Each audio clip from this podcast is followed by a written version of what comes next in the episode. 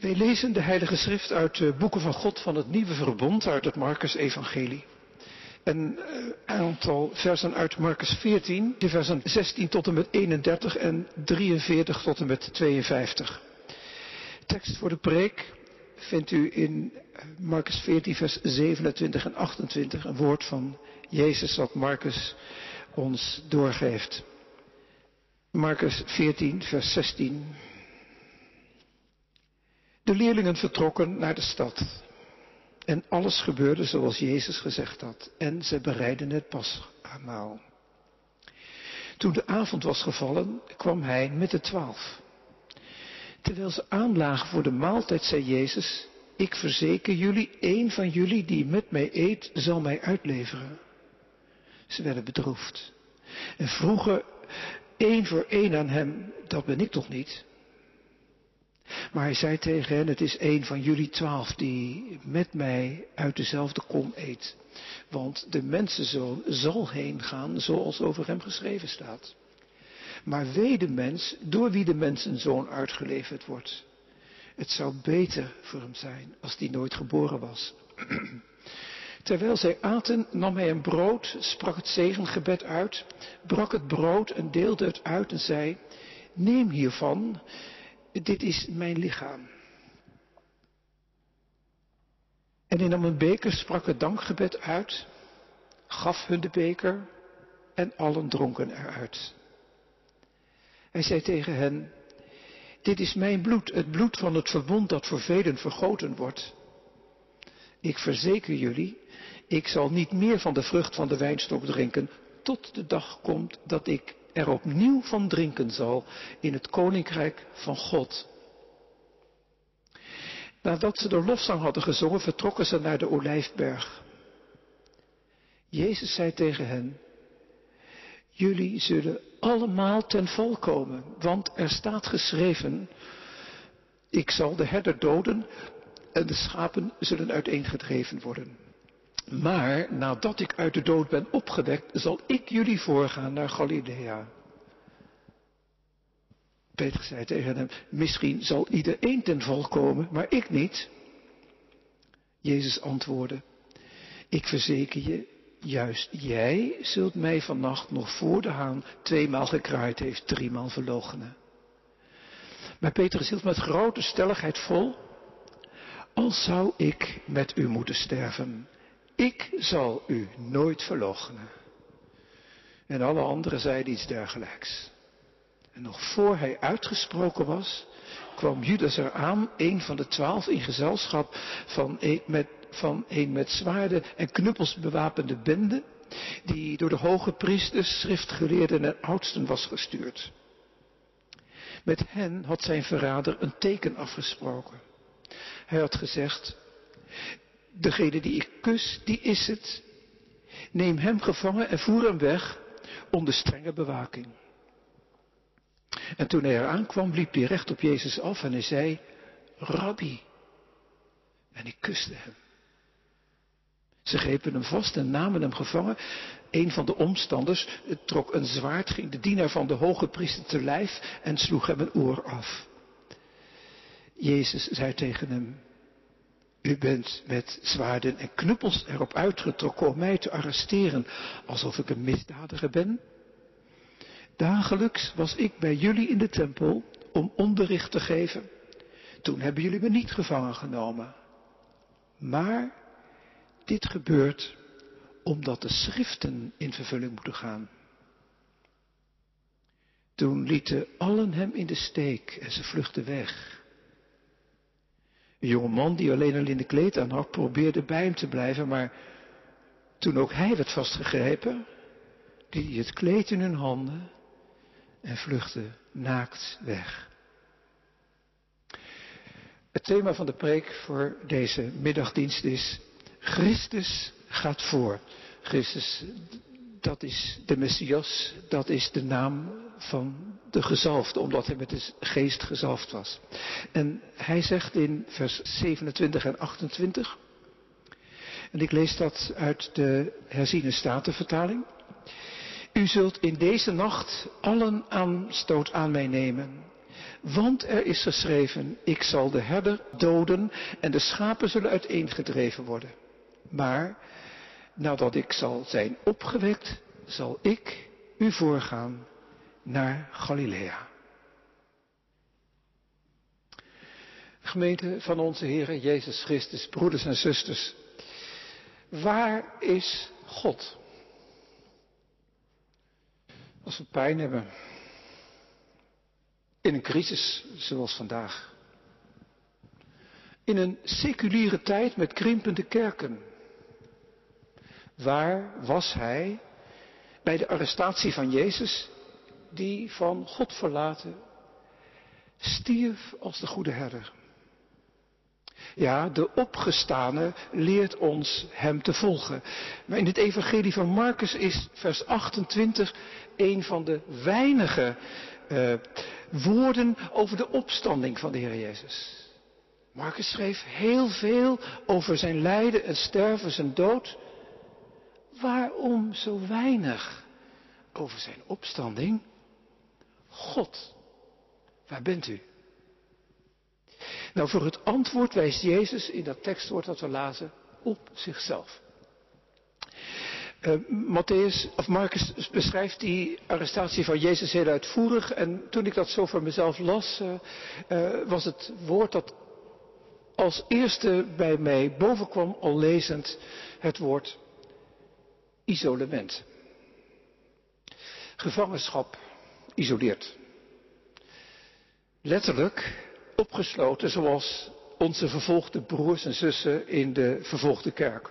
Maar je kunt ook geestelijk geïsoleerd zijn. Door iets dat je gevangen houdt. Boosheid om wat anderen je hebben aangedaan. Verlangen wat maar niet komt. Jaloezie die je verteert. Die grote fout die je niet wou beleiden en die je altijd achtervolgt. Wat kan die vraag dan steken? God, waar bent u? Nou is het lijden en sterven voor, eh, van Jezus voor de evangelist Marcus het climax. Hij schrijft heel kort en heel snel over het leven van Jezus als de Messias van Israël. Hij is de zoon van God, door profeten aangekondigd. Maar het gaat hem om die gekruiste koning, die in eenzaamheid sterft. Dat is in het Marcus-evangelie het hoogtepunt. Priesters en schriftgeleerden verstoten hem. In Gethsemane is hij alleen met zijn discipelen vlakbij. Hoe eenzaam kun je zijn met je beste vrienden vlakbij. Judas werd verrader. En na zijn arrestatie vol zinloos geweld loopt iedereen hard weg. Hij werd verloochend door Petrus. Hij sterft alleen. Mijn God, mijn God, waarom hebt u mij verlaten?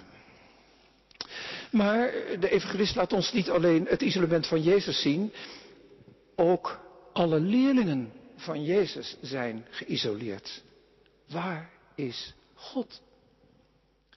Nou, u weet, een discipel dat is een leerling, volgeling van de meester. En dat is een hele intieme verhouding in die tijd. En wie vlucht, ja, die is dan niet langer een volgeling. Dan geef je dus eigenlijk je loyaliteit eraan. En dus isoleer jij jezelf. Wel pijn doet dat. Zo dat besef, dat kan ik ook niet meer goed maken. Wat is het een hard gelach als alles zich tegen je lijkt te keren. En jij het gevoel hebt, ik sta alleen. Nou, Marcus richt de schijnwerper juist daarop. En dat doet hij voor zijn allereerste lezers. Wie waren dat? Nou, dat waren in elk geval christenen in een minderheid. Een kleine minderheid in de Romeinse Rijk. Waarschijnlijk in de stad Rome, waar Petrus, ook de zegsman van Marcus, had gewerkt. Mogelijk waren Petrus en Paulus op dit moment al gedood in de vervolging van Claudius of Nero. En de verwoesting van de tempel in Jeruzalem stond voor de deur. Hoe kwetsbaar ben je als kerk in zo'n wereld? En wat doe je dan in verdrukking? Nou, Marcus zegt dat discipelschap de beloftevolle weg is van de navolging van Christus. En hij zegt eigenlijk met zoveel woorden, volg de koning van dit koninkrijk. Ja, dat is een nieuw koninkrijk. Daar moeten we even heel bijzonder op letten. Het is een nieuw koninkrijk, radicaal nieuw. God is koning. Dat wordt ook een paar keer hier genoemd, het koninkrijk van God. God is koning, maar ja, dat is een gezichtspunt dat haaks staat op wat wij meemaken en wat om ons heen is en wat soms ook in jezelf kan leven. Heel veel mensen maken de verschrikkelijke vergissing dat God niet bestaat. Heel veel mensen maken er een voorstelling van. Ja, omdat we het ook niet weten. En als zolang we het niet weten, ja, dan, dan wil je toch wel iets erbij kunnen bedenken. En dat kan ik heel goed begrijpen. En zo moet je zeggen, is er ook foute beeldvorming over God in omloop. Ik zal er een paar noemen. U kent ze vast toch wel. Je kunt ze soms bij jezelf herkennen. God als een mega Sinterklaas in de hemel die naar beneden kijkt hoe zijn kinderen uh, zich vermaken. Zoiets. Hè? Iemand zei een keertje tegen mij, God vergeeft, dat zou hij anders moeten doen. Maar er zijn ook beelden van God uh, die heel anders zijn. Een boekhouder die als een scherprechter alles genadeloos afstraft wat niet door de beugel kan. Een God die machteloos is bij alle ellende in de wereld. Of misschien wel wreed, omdat hij de zonde van anderen straft aan zijn eigen zoon. Nou, dat zijn voorstellingen die je ook best kunt begrijpen, zolang je God niet kent, want die passen helemaal bij onze menselijke ervaring. Maar als je er even over na gaat denken, echt over na gaat denken, dan, dan, dan, dan zie je dat er geen basis is in het Oude en in het Nieuwe Testament. De tekst van het Oude en de tekst van het Nieuwe Testament geeft geen enkele steun voor deze beeldvorming. Het is allemaal van onderaf bekeken, wel begrijpelijk. Maar eigenlijk hoor ik de evangelist Marcus in zijn hele evangelie zeggen, dat zijn projecties. God is niet de verlengstuk van mijn leven. Het is niet de lange arm die verder gaat en doet wat ik zou willen. Maar wie is die dan wel? Nou, zegt Marcus, dat heeft God in Jezus laten zien. Zo begint zijn evangelie. Evangelie van Jezus Christus, de Zoon van God. En, en daar doet hij een heel evangelie over, totdat hij dan bij dat hoogtepunt komt, het kruisdood van de Heer. En zo is Christus de gezalfde God, de Messias van Israël gezalfde zoon van God. Hij is ook de beloofde rechtvaardige koning uh, die recht en gerechtigheid doet van wie we net hebben gezongen en gehoord in Psalm 72. En toen Jezus op aarde was, was hij ook altijd bij zondaars en bij arme mensen, bij mensen zonder perspectief. Daar was Jezus. Daar is hij nog steeds. En menselijke macht, rijkdom en status maken ons mensen blind ja, blind voor nood van arme mensen, blind voor de vluchtelingen om zo te zeggen, of blind voor de mensen die vlakbij ons zijn en die in diepe nood verkeren. Ook al zijn ze helemaal geen vluchteling. En nu zegt Marcus in zijn evangelie dat God in zijn heilige liefde alle onrecht eens zal stoppen. Zeg maar ook dat vreselijke lijden dat het volk Israël in de loop der eeuwen is aangedaan. God gaat werkelijk recht zetten wat krom in deze wereld is in een wereld los van God.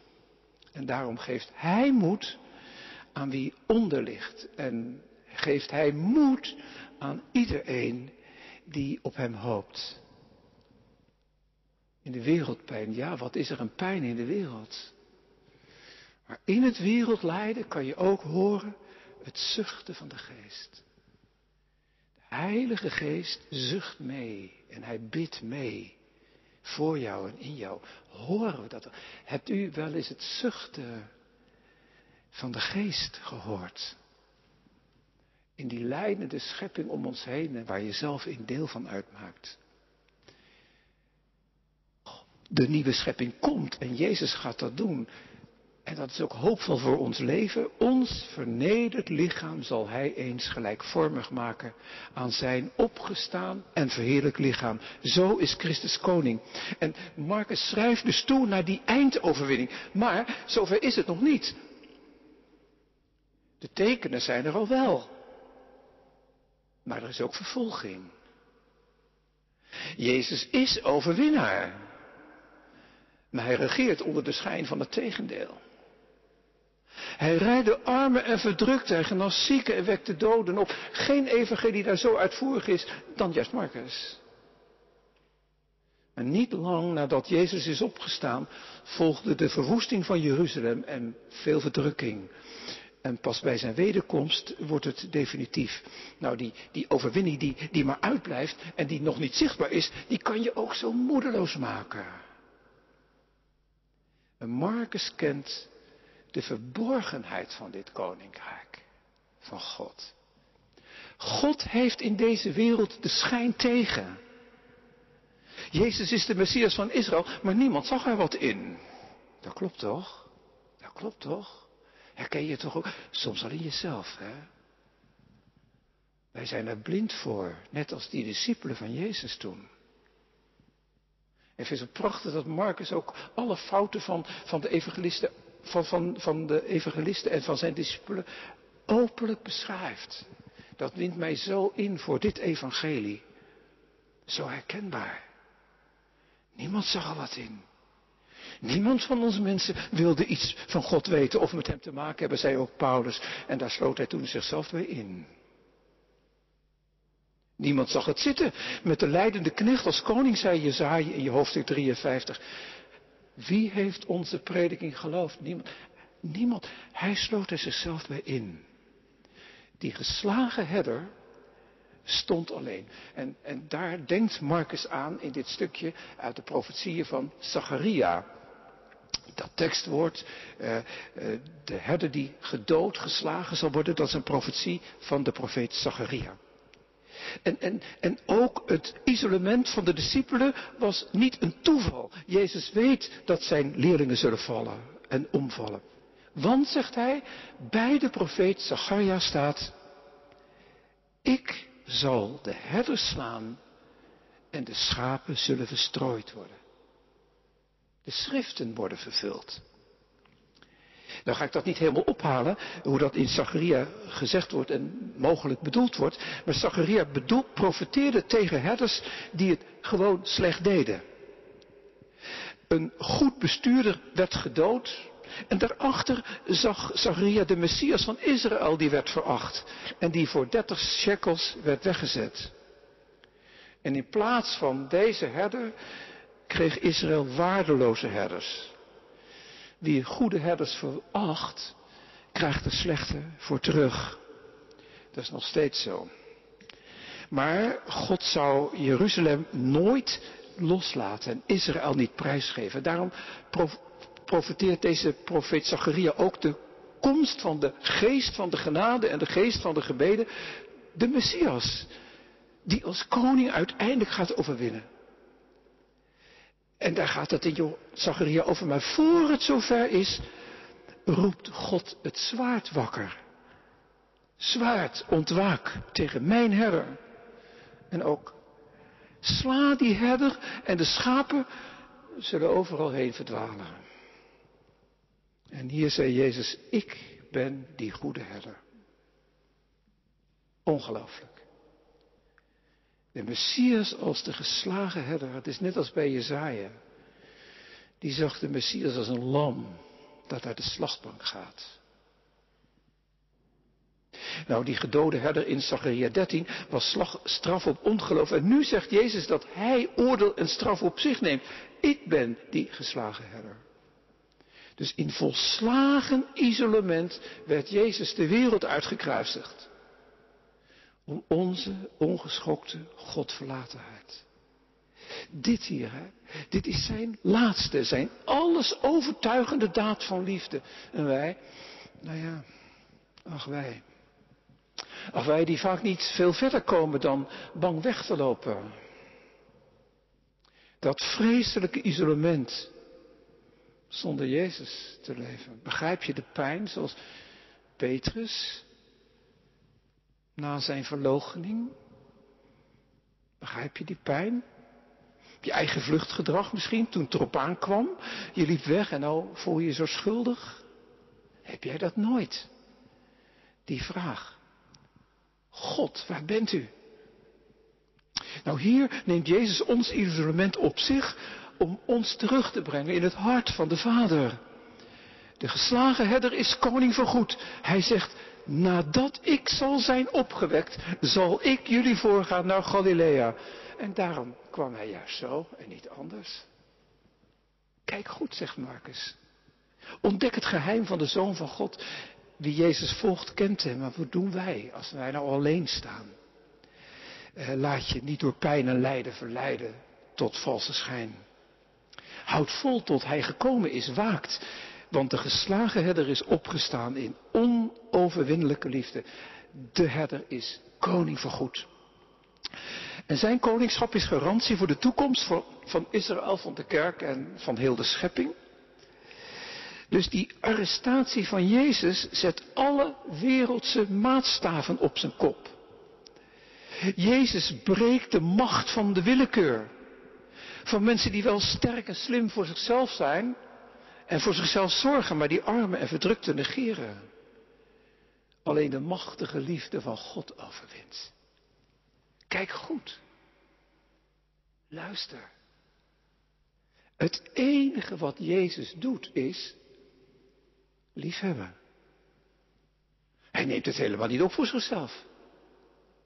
Alles wat hem werd aangedaan, heeft hij aanvaard zonder verwijt. Zeg maar, heel het rijk der duisternis met geld, zwaarden en knuppels loopt stuk op de liefde van God. En Judas, ja, die rekende op gewapend verzet, want hij kende wel discipelen die altijd een zwaard bij zich hadden. En bij Lucas kan je lezen dat vlak voor de arrestatie eh, die discipelen dat ook aan Jezus hadden gezegd. Kijk, hier twee zwaarden, heer. De revolutie kan meteen beginnen. Nee, dus, zei Jezus, niks geen wapens. En Christus leert zijn discipelen om lief te hebben. En Judas wilde dat niet. Hij dacht dat het nodig was Jezus aan te wijzen met een kus. Want Jezus had zijn ambities niet waargemaakt. En ja, in zijn portemonnee zaten die 30 zilveren shekels van Zacharia. En zijn hoofd zat vol zwaarden en knuppels. En Jezus, hij bleef liefhebben. Heel eenvoudig, liefhebben. Zoals hij altijd had gedaan toen hij de tempel de boodschap van de liefde van God bracht. En niemand durfde zijn hand naar hem uit te steken. En dat had Judas niet gewild. En hij gebruikte de intimiteit van een kus om te zeggen waar hij helemaal niks van meende. En de andere? En wij? Nou, hier wordt hij niet met name genoemd, maar Petrus was het die zijn zwaard eh, trok en uh, de knecht van de hoge priester een oor afsloeg. Hij zou met Jezus sterven. Nou, dat begint hij dan maar gelijk aan. Ja, wat doe je nou als je in het nauw gebracht bent? Met God zo ver weg. Weet je, dan mag je vertrouwen dat Hij je lief blijft hebben. Met de meest kostbare liefde die bestaat. Nou, daar was Petrus toen nog niet aan toe. En onder het oog van de politie pleegt hij een strafbaar feit, poging tot doodslag. Zo reageren wij mensen, toch? Als ze geïsoleerd raken. Dan word je bang en dan sla je een beetje om je heen of zo. Hè? En, eh, en, en, als het kwaad gedaan is, dan probeer je dat een beetje betaald te zetten of zo. Hè? En Jezus doet ons voor wat de liefde van God doet. Hij blijft liefhebben, armen, verslagen mensen, op de vlucht, in diep isolement. Letterlijk in een gevangenis of in een sociaal isolement misschien. Daar is Jezus. Daar wil Hij zijn. Daar wil Hij ook dat wij zijn volgelingen zullen zijn. Hier zijn ze nog door angst uit elkaar gejaagd, maar door Jezus opgezocht na zijn opstanding, leerden zij de stem van de goede herder kennen en ze volgden hem. En Marcus werd evangelist. Want na zijn opstanding is Jezus zijn leerlingen voorgegaan naar Galilea. Een herder loopt immers vooraan. Hij baant de weg voor schapen die mogen volgen. Hoor je de liefde in zijn stem? Treed je in zijn voetspoor. Je zegt, ja, maar dat durf ik niet. Ik vind het zo moeilijk. Mag het wel? Luister goed. Marcus schrijft er wel niet zoveel over de opstanding van de Heer. Maar zijn evangelie is vol van de opstandingskracht van Jezus. En als je zijn vergeving aanvaardt, dan gaan bij jou en bij mij de afgoden eruit. Christus maakt vrij van vreemde machten om lief te hebben. Ja, zonder zijn liefde, ja, houd je niks over. Dan ga je zonde met je mee, de duisternis in, geld, zwaar, de knuppels en dat soort dingen. Waarom zou je dat laten gebeuren? Navolging van Jezus die brengt je waar Hij is. Bij armen, bij vluchtelingen, bij verslaafden, bij asielzoekers. Opdat ook zij met Jezus zullen sterven en opstaan. Zijn liefde gun je toch aan je grootste vijand, toch? Nou ja, dat is dan de preek. Ik zou nu aan me kunnen zeggen, maar ik wil toch nog een paar vragen meegeven. Wat neem je nou mee uit zo'n verhaal, zo'n geschiedenis die wij lezen? Wat neem je daar nou mee? Wat doe je daar nou mee? Christus gaat voor, maar wat betekent dan die navolging hier? Dan wil ik drie dingen noemen. En probeer er één van te onthouden die je aanspreekt. Het is in de eerste plaats de weg van vertrouwen. Vertrouwen in de liefde van God, de sprekende God. God heeft zich niet onbetuigd gelaten. We kunnen God niet zien, maar hij heeft zich wel zichtbaar gemaakt in Jezus. We kunnen God niet horen, maar hij heeft zich hoorbaar gemaakt in zijn woord. We kunnen God niet kennen, maar hij heeft zich kenbaar gemaakt door de geest. Dus vertrouwen, daar begint navolgen mee. De Heer Jezus, hij vond zijn eigen identiteit in de profetieën van Zacharia en van anderen. Daar is God. Christus vind je in de schriften. Je leert hem kennen door antwoord te geven. Dat is iets heel relationeels. Uh, ik, heb, uh, uh, ik had een vriend die 94 jaar geworden is ongeveer en die jarenlang predikant was geweest in de Griffemidde Kerken. En ouderen zullen hem wel kennen, was dominee Dick van Keulen. En die had voor in zijn Bijbel geschreven, op de witte pagina, lieve Dick, ik houd van jou, mag ik nog eens wat van je horen, je liefhebbende vader. Mooi, hè? Het, het is antwoord geven niet zomaar even nou hier, ik ben, maar dat is gewoon in relatie met hem staan. Dus vertrouwen. Dat is navolging. Tweede, het is ook de weg van vernieuwing. Jezus die werd bij zijn doop in de Jordaan gedoopt met de Heilige Geest. Waarom? Hij werd gedoopt om zo Messias te zijn. Om zo op te staan uit de doden. En zijn Heilige Geest vernieuwt wie hem volgt. Ja, met vallen en opstaan, dat dan weer wel. Ja, maar hij is er altijd bij als de opgestane. Dus navolging is hem vertrouwen en dat is vernieuwing. En tenslotte is navolging ook volharding. Volharden om in de weerbarstige werkelijkheid vandaag lief te blijven hebben. Kruisvormig leven met Jezus. Bij wie arm is en verdrukt. Om de liefde van God te delen met mensen om je heen. Onlangs bezocht ik een symposium over de vervolgde kerk. Het thema van die dag was, God, waar bent u? De hoofdspreker had elf maanden gevangenis, gevangen gezeten in Eritrea. Twee keer had hij kunnen vluchten. Eh, met behulp van een politieagent uit de gemeente die hem moest bewaken, en, en hij was lid in de gemeente van deze voorganger. Maar die voorganger deed het niet. Hij dacht en hij zei, als Jezus wil dat ik in de gevangenis ben, zal ik daar zijn waar Hij is. En zijn celgenoten vroegen telkens om meer te vertellen over de Heer Jezus en over de liefde van God. Daar was God. Daar is God. Hij bouwde er zijn koninkrijk. Daar is hij vandaag mee bezig. En God geven dat u, hij ook in ons midden zijn koninkrijk bouwt. Tot de lof en glorie van zijn naam. Amen.